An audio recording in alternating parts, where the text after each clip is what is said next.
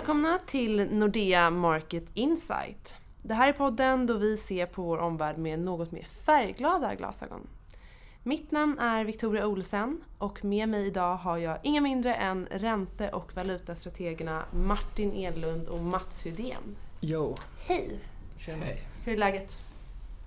Fantastiskt. Ja, det är bra. Våren är här, det är inte längre minusgrader. Bara en sån sak.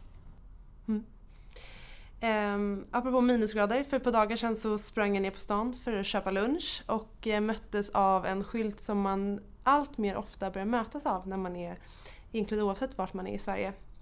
Ehm, man tänker inte jättemycket på det kanske, men eh, man brukar mötas av skylten eh, “Här tar vi inga kontanter” eller “Endast kort”. Det är en signifikant omställning vi står inför i samhället och enligt Riksbanken så har andelen kontanta betalningar i handeln minskat från nära 40 procent 2010 till cirka 15 procent 2016. Det är en, förändring som får ganska mycket kritik. Ehm, är vi på väg mot ett helt kontantfritt samhälle? Nej.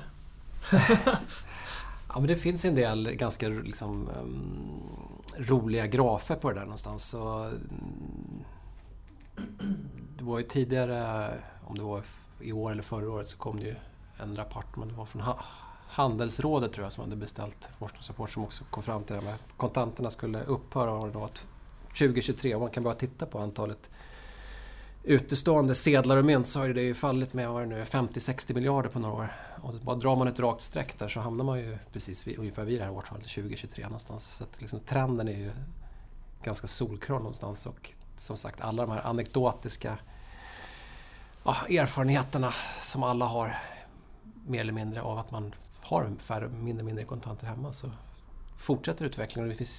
Man ser ju ingenting i statistiken som pekar på att den skulle vara på väg att ja, ändras på något sätt. Ja, då lär de väl försvinna en vacker dag. Då. Mm. All teknologisk utveckling vi ser ja, talar egentligen för att trenden snarare borde accelerera snarare än mattas. Om man tänker Swish förstås, en sån sak. Och Apple Pay och såna här grejer som jag provat nyligen. Man bara vevar med sin klocka lite här och där så plingar det och så får man massa grejer utan att behöva anstränga sig det minsta. Så teknologin har gjort digitala pengar jätteenkla att använda. Även för, både för handlare och för hushåll.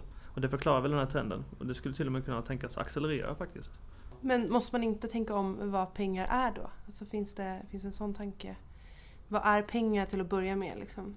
Jag, jag går gärna lite in på det för det är ett väldigt spännande ämne. Speciellt med tanke på Ingves olika uttalanden um, som vi kan få återkomma till. Um, men nationalekonomer brukar säga att för att någonting ska vara pengar så ska tre villkor vara uppfyllda. Eh, risk för lite technobabbel här. Men man ska kunna lagra värde i den här grejen eller vad det nu är för något vi pratar om. Och det ska gärna vara förutsägbart. Eh, så man ska kunna spara i det. Då är det ett av tre villkor uppfyllda. Sen ska man också kunna använda de här sakerna då oavsett om det är stenar eller fjädrar eller, eller mynt. Man ska kunna använda dem som betalningsmedel byta dem mot någonting annat.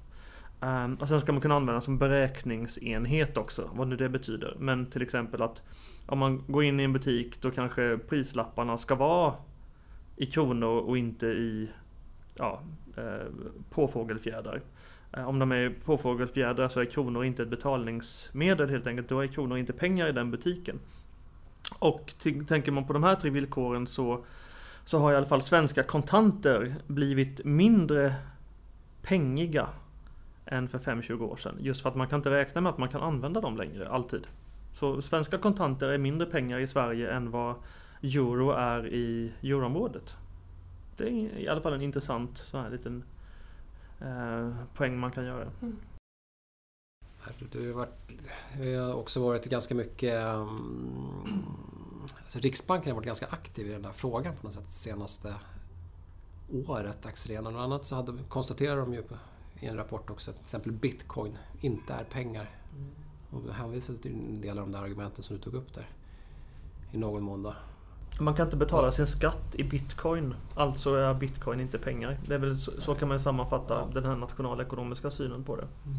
Nej, men sen så också det här med att man Riksbankens eh, projekt och studier kring det här att introducera en e-krona någonstans som också bara och det lanserades väl någon gång under förra året och det är lite en rapport som kom in initialt då, eh, förra hösten. Och, och det där är väl också någon form av... De ser väl precis den här tendensen också någonstans. Och någon, en frågeställning som, som togs upp bland annat av Ingves nu på någon DN Debatt-artikel som hade eh, publicerats nyligen.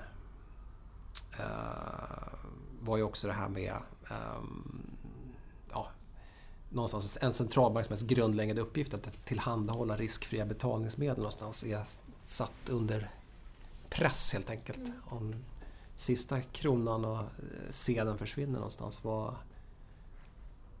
vad, alltså, vad, vad, har man, vad är betalningsmedlen då någonstans?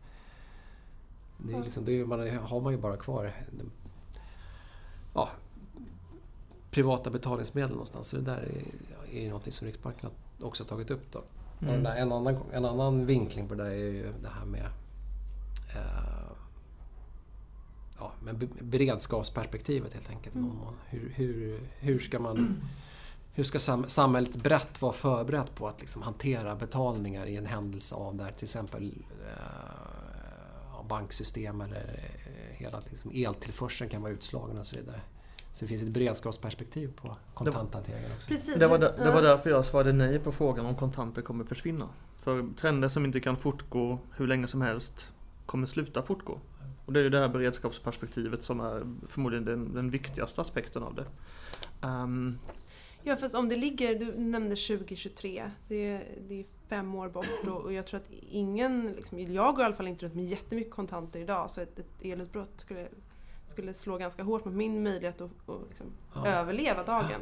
Var, är inte det här jätteproblematiskt? Jo, men jag tror liksom att um, jag tror också att många tycker att det är ganska skönt att slippa gå omkring med kontanter. Mm. Jag tror, tycker det är ganska ofta man möter folk i sin vardag, inklusive mig själv också som någonstans man tycker det är så himla praktiskt med Swish till exempel. Om mm. man kanske handlar saker på nätet eller man gör transaktioner och gör på någon ja, fotbollsmatch eller det kan vara vad som helst, någon, någon loppmarknad eller någonting. Och så tycker man det är jättebra med att kunna betala med de här elektroniska delarna. Att det finns det här bekvämlighets och effektivitetsargumentet någonstans. Så man slipper ha eh, värdetransportbilar och så vidare. Mm.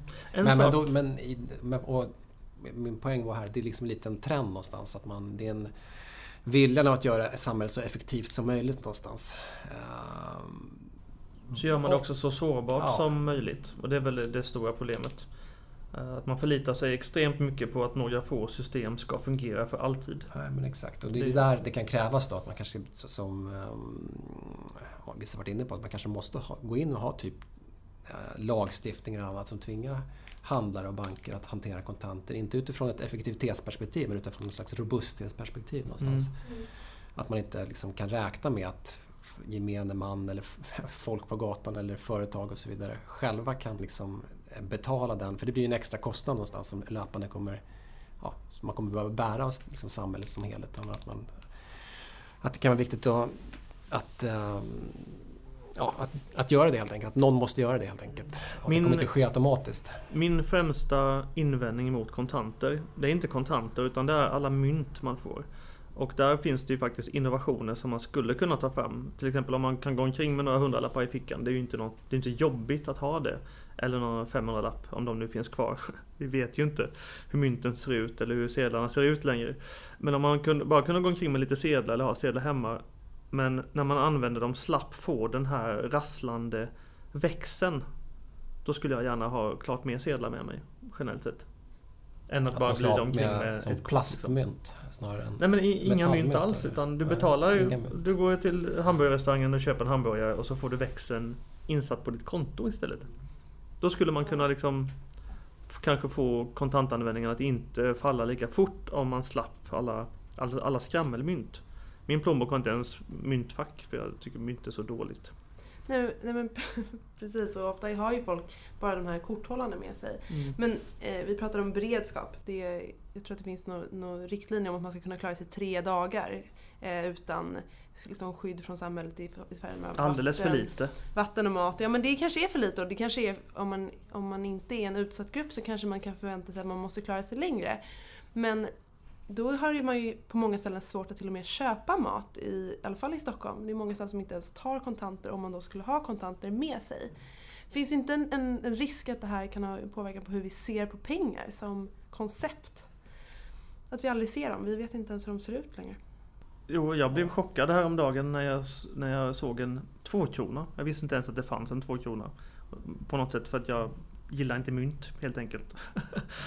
och det är väl lite komiskt när man inte ens vet hur sedlar och mynt ser ut längre. Då har man ju ett trovärdighetsproblem i någon mån från Riksbankens sida. Eller från statens sida får man ju säga. Det kan ju inte vara någonting bra i alla fall. Döttrar bad om växelpengar och grävde i någon låda och hittade en, något skrynkligt gammalt papper, en 20-lapp då. Och sen blev vi båda hamna i en diskussion om det här verkligen var det den nya eller den gamla 20-lappen. Vi blev lite oklara på om det var, var det Astrid Lindgren eller Selma Lagerlöf eller vem var det nu som var på den här. Det är ju någonstans har man ju... Ja, det blir ju en... Jag menar, förtroendetapp någonstans. Vi har diskuterat det här med beredskap på, på genom åren här, ja, sinsemellan, jag och Mats kan man väl säga. Och eh, vi har haft diskussioner om huruvida man ska bära guld på fickan. Och då tänker man sig att det är väl helt knäppt att förvänta sig att kreti och pleti ska ha lite guld på fickan i den mån det skulle bli en stor kris. Just för att ska man gå och fippla med att skära av bitar av guldtackor eller tugga på guldtackor för att känna av rätt kvalitet och så vidare. Men det är nästan lite den diskussionen man har om, om, om vår svenska valuta nu. Om folk inte känner igen att det ens är en krona. Alltså då är det ju inte ett, ett betalningsmedel längre. Om du står där och elen har gått och du ska göra en transaktion med någon eh, förvirrad människa i dagligvarubranschen som är lika förvirrad som du. Om ni inte ens kan vara ense om att det är ett betalningsmedel, vad är det då? På något sätt. Så nu målar man lite fan på väggen kanske, men tendensen är ju sådan i alla fall. Ja, det finns ju en sån risk. Och då är frågan, en e-krona, skulle den lösa ett sånt här problem? Eller finns den till av en annan anledning i sådana fall? Ja, det där är lite, nästan lite självmotsägande tycker jag. Därför att diskussionen kring e-kronan har nog kommit därför att man har sett att kontanterna minskat. Samtidigt så kan man ju också säga att mm, skulle man införa en e-krona som är någon slags riksbanksgaranterat betalningsmedel i elektronisk form. Då liksom eh, faciliterar man och underlättar man ju någonstans ytterligare framväxten av det kontantlösa samhället. Så att det här med beredskapsargumentet är på något sätt den, det syftar till att bryta den här trenden med minskade fysiska kontanter. För det finns ju en min, beredskapsargumentet är ju mycket svagare för en e-krona. För den e-kronan har ju precis samma problem som, en, ja, som bankpengar så att säga, eller pengar på bankkontot. Att I en händelse av att du inte har tillgång till elektroniska system och annat eller är helt off, off-grid så, så har den inget värde. Och e-kronan skulle ju lida av precis samma, uh, samma problem. problem Här kan man ju säga att ja, den ena handen vet inte riktigt vad den andra gör. Så är det ju ganska ofta när man tittar på centralbanker och reglerare, skulle jag själv säga. Och just den här e-kronan, det är klart att den är otroligt sexig tycker många på, på Riksbanken och på andra centralbanker. Och det är för att man hetsar upp sig om att kunna sänka räntan. Eh, anledningen till att Riksbanken bara sänkte räntan till minus 50 vilket är liksom väldigt konstigt att de har minusräntor, det tycker väl de flesta. Men att de inte vågar sänka mer är för att Sänker man mer så riskerar man ju eller riskerar man att hushåll och företag väljer att spara sina pengar i kontanter istället. Och då blir penningpolitiken inte verksam. Men om man skulle avskaffa alla kontanter, då kan man sänka räntan hur mycket som helst för att företag och hushåll, eller folk och fä, har ingenstans att fly undan den här penningpolitiska utpressningen som man då iscensätter med Riksbanken. Och det är en anledning till att man vill gärna införa e e-kronor och e-valutor från centralbankens sida i, i många, många länder, inte bara i Sverige. Så det är liksom olika perspektiv som talar för olika saker här. Och man tycker väl att Ingves borde ta de här e-kronutredarna lite i örat och visa vem som bestämmer på centralbanken. Nu kör vi beredskapsperspektivet. Man får välja spår helt enkelt. Det det mm. säger. Precis. Mm.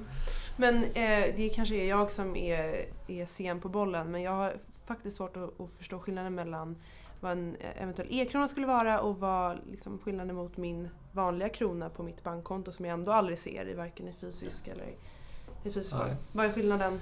Jag tror inte det är, alltså den,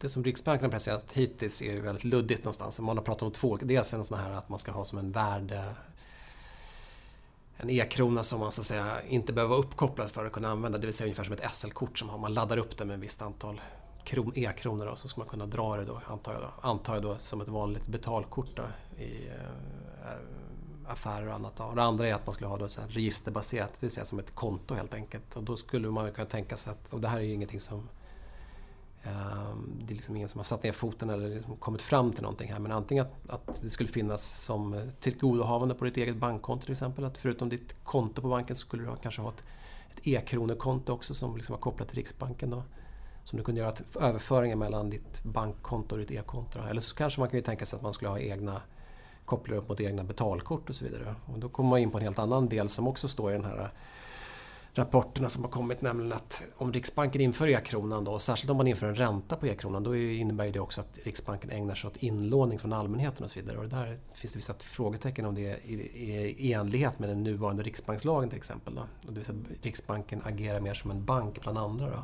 Du är så snäll Mats hela tiden. Jag är ovan vid det här. Jag brukar spela in podcast med Henrik och han brukar vara lite mer radikal. Så nu får jag försöka vara lite extra mm. radikal. Men om man bara funderar lite på varför vi har centralbanker.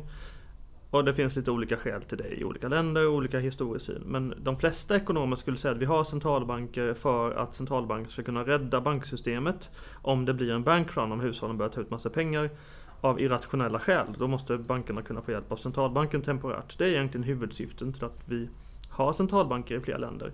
Sen struntar man då i kanske att det finns länder som har klarat av bankruns och stora problem utan att ha centralbanker. Kanada till exempel på 30-talet. Men hur som helst, utgår man från att centralbanken finns mest för att rädda banksystemet, då är det, väldigt, då är det komiskt att Riksbanken självt ska införa massor insättningsmöjligheter som gör att risken för bankruns ökar i banksystemet.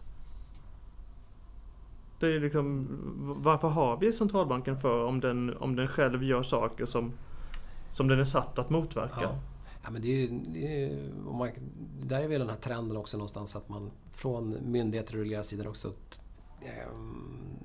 det är som sen finanskrisen egentligen har det varit en trend att man tar, man reglerar finanssystemet mer och mer och, tar med, och så att säga, de offentliga delarna tar en del, större och större del, eller strävar hela tiden efter att ta en större del någonstans av systemansvaret. Och man anser att det är en, en kraft, en god kraft någonstans. Så mm. tror jag bilden är eh, på myndigheter och centralbanker och annat. Att det liksom är, och det är väl också idén om att man, varför man ska ha centralbankspengar riskfria. Därför att det är någonstans, ja, det är en funktion som en centralbank ska ha och det är viktigt att, den är, in, att inte då man förlitar sig på privata aktörer och så vidare. Uh, och som en del i det där är, finns det också en, en, har funnits en diskussion om då istället för att lagstifta om kontanthantering och istället att Riksbanken då skulle sköta kontanthanteringen, det vill säga att öppna lokala kontor igen som man en gång hade ute i landet. Mm. Det skulle finnas bank, riksbankskontor helt enkelt med personal och du hade en, kanske en kundansvarig och så vidare. Jag tycker, det, jag tycker det låter lite mysigt på något vis. Ja, det gör det lite. Men Då det skulle Ingves kunna gå i pension ja, sen i Åmål på ett litet bankkontor och sitta ja. och managera kontanter. Det skulle han nog gilla. Ja. Sen kan man kanske återinföra Coops gamla Konsumfärger också. Det skulle också vara lite mysigt på något vis. Men de skulle kunna göra helikopterpengar genom det här. Så här fylla på kontona för allas riksbankskonton. Liksom, ja, när, när det var dags att ja. eh, heja inflationen. Mm. Ja, precis. Det skulle nog vara effektivt. Det diskuterades faktiskt sådana åtgärder för några år sedan bland de mest eh, insnöade penningpolitiska figurerna. Ja, just att hushåll, och för, eller hushåll ska kunna ha specialkonton hos centralbankerna som fylls på av, av Fed eller ECB eller Riksbanken. En sak som jag tycker är lite, lite som man missar lite i hela den diskussionen om e-pengar mot kontanter och så vidare det är förstås den här diskussionen om anonymitet. Um, jag vill bara säga någonting om det. Um, för det är klart att, att överheten i någon mån alltid ser sig själv som en hjälte och ser att anonyma transaktioner är dåliga. Och det är oftast det som framkommer i den generella debatten förstås. Uh, inte minst på grund av terrorfinansiering och penningtvätt och sånt där. Det är väl ingen som är för sådant. Men det är samtidigt så att man kan fråga sig om man funderar lite, tar en lite mer långsiktig historisk syn på, på saker och ting. Eh, man kan fråga sig om den svenska fackföreningsrörelsen hade kunnat utvecklas som den gjorde om dåtidens stat hade haft samma massövervakningsmöjligheter och total insyn i alla penningtransaktioner som den skulle få om vi bara har e-pengar. Då är ju svaret rimligtvis nej. Du hade aldrig haft samma, samma utveckling i fackföreningsrörelsen. Den var ju, ja, dåtidens stat för hundra år sedan var ju inte så förtjust i fackföreningsrörelsen generellt sett. Um, och en annan liten fundering kring det här är att uh, det finns ju saker som vi i Sverige tycker är rätt och riktigt generellt sett. Um, till exempel en kvinnas kontroll över sin egen kropp. Uh, men i Irland riskerar en kvinna som vill, som vill göra abort, hon kan få 14 års fängelse. Är det inte rimligt att hon har någon chans att betala för den här operationen eh, anonymt? Om hon inte har det så kan ju den irländska staten med lätthet sätta dit henne och trycka in henne i finkan i 14 år. Är det verkligen någonting bra? Jag tycker också att om man tittar på historien, går tillbaka, ja det räcker med, det räcker med två år eller fem år eller ja, you name it. Det är väldigt ofta så att eh, dagens bovar inte sällan visar sig vara framtidens hjältar för vad som är rätt och riktigt ändras över tiden. Och genom att förhindra och övervaka transaktioner av olika slag och så vidare så förhindrar man en del av den här samhällsliga dynamiken. För mindre än 40 år sedan så var homosexualitet en psykisk sjukdom i Sverige. Och svensk historia, om man läser på lite, den är inte så, så ljus som man tror. Så det finns en poäng att saker ska vara lite möjlighet till att fly undan eh, statens övervakningar kanske man ändå vill ha i ett samhälle. Annars blir det väl lite DDR av det. Är det verkligen bra? Så lite möjlighet till anarki men också lite möjlighet till liksom, att vara bered, eh, eller beredd för, för katastrof och, eh, och andra otrevligheter. Varje människa behöver 10% anarki. 10%? Minimum. Är det Stämmer det Mats? Ja, men jag tror det stämmer på ett ungefär faktiskt. Man kan ju se anarki som en slags beredskap också. Mot stagnation. Precis. Verkligen. Kaos. Uh, på detta tema, låt mig bara säga att det finns en författare som jag tycker om men som Mats inte är så förtjust i på grund av hans sätt att inte redigera sina egna böcker. Och det är Nassim Nicholas Taleb. Och han är ju väldigt mycket insnöad på robusthet eller antifragilitet som ett relaterat koncept. Um, han tycker liksom att vi bygger in alldeles för mycket ömtålighet i våra liv och i våra strukturer. Och att vi bör, vi bör sluta med det helt enkelt. Historien säger att sådana här typer av system eh, det slutar ofta illa. Det verkar visa sig att det är svårt att trycka, det är svårt att förhindra och ta bort all volatilitet. Det enda man gör när man försöker ta bort all volatilitet i ett system är att man gömmer undan den och den kommer tillbaka tusen, tusen gånger falt. Och en kul sån här liten eh, spaning kring att det går inte att gömma volatilitet. Eh, jag tycker det är relevant i den här robusthetsdiskussionen. Det är att när ekonomerna tittade på Sovjetunionen på 60, 70, 80-talet så såg det oerhört stabilt ut. Hur ska västvärlden kunna konkurrera ut det här? BNP växte, det fanns ingen volatilitet, det fanns ingen konjunkturcykel. Men volatiliteten var ju bara undangömd och sen kollapsade hela det här kommunistiska skräckimperiet. Så det går inte, det går inte att gömma sig. Bygg in robusthet och antifragilitet. Läs Taleb. Och gå till närmaste bankomat och plocka ut lite pengar. Genast. Ja. Cash verkar fortsättningsvis vara king. Det skulle jag vilja säga är summan av dagens diskussion. Eh, vi får nog avsluta där. Tack snälla till ni som har lyssnat. Tack till Martin. Tack till Mats. Vi hörs snart igen och tills dess så hittar du oss och alla våra kollegor på emarkets.nordea.com. Vi hörs! Tjo! Hej.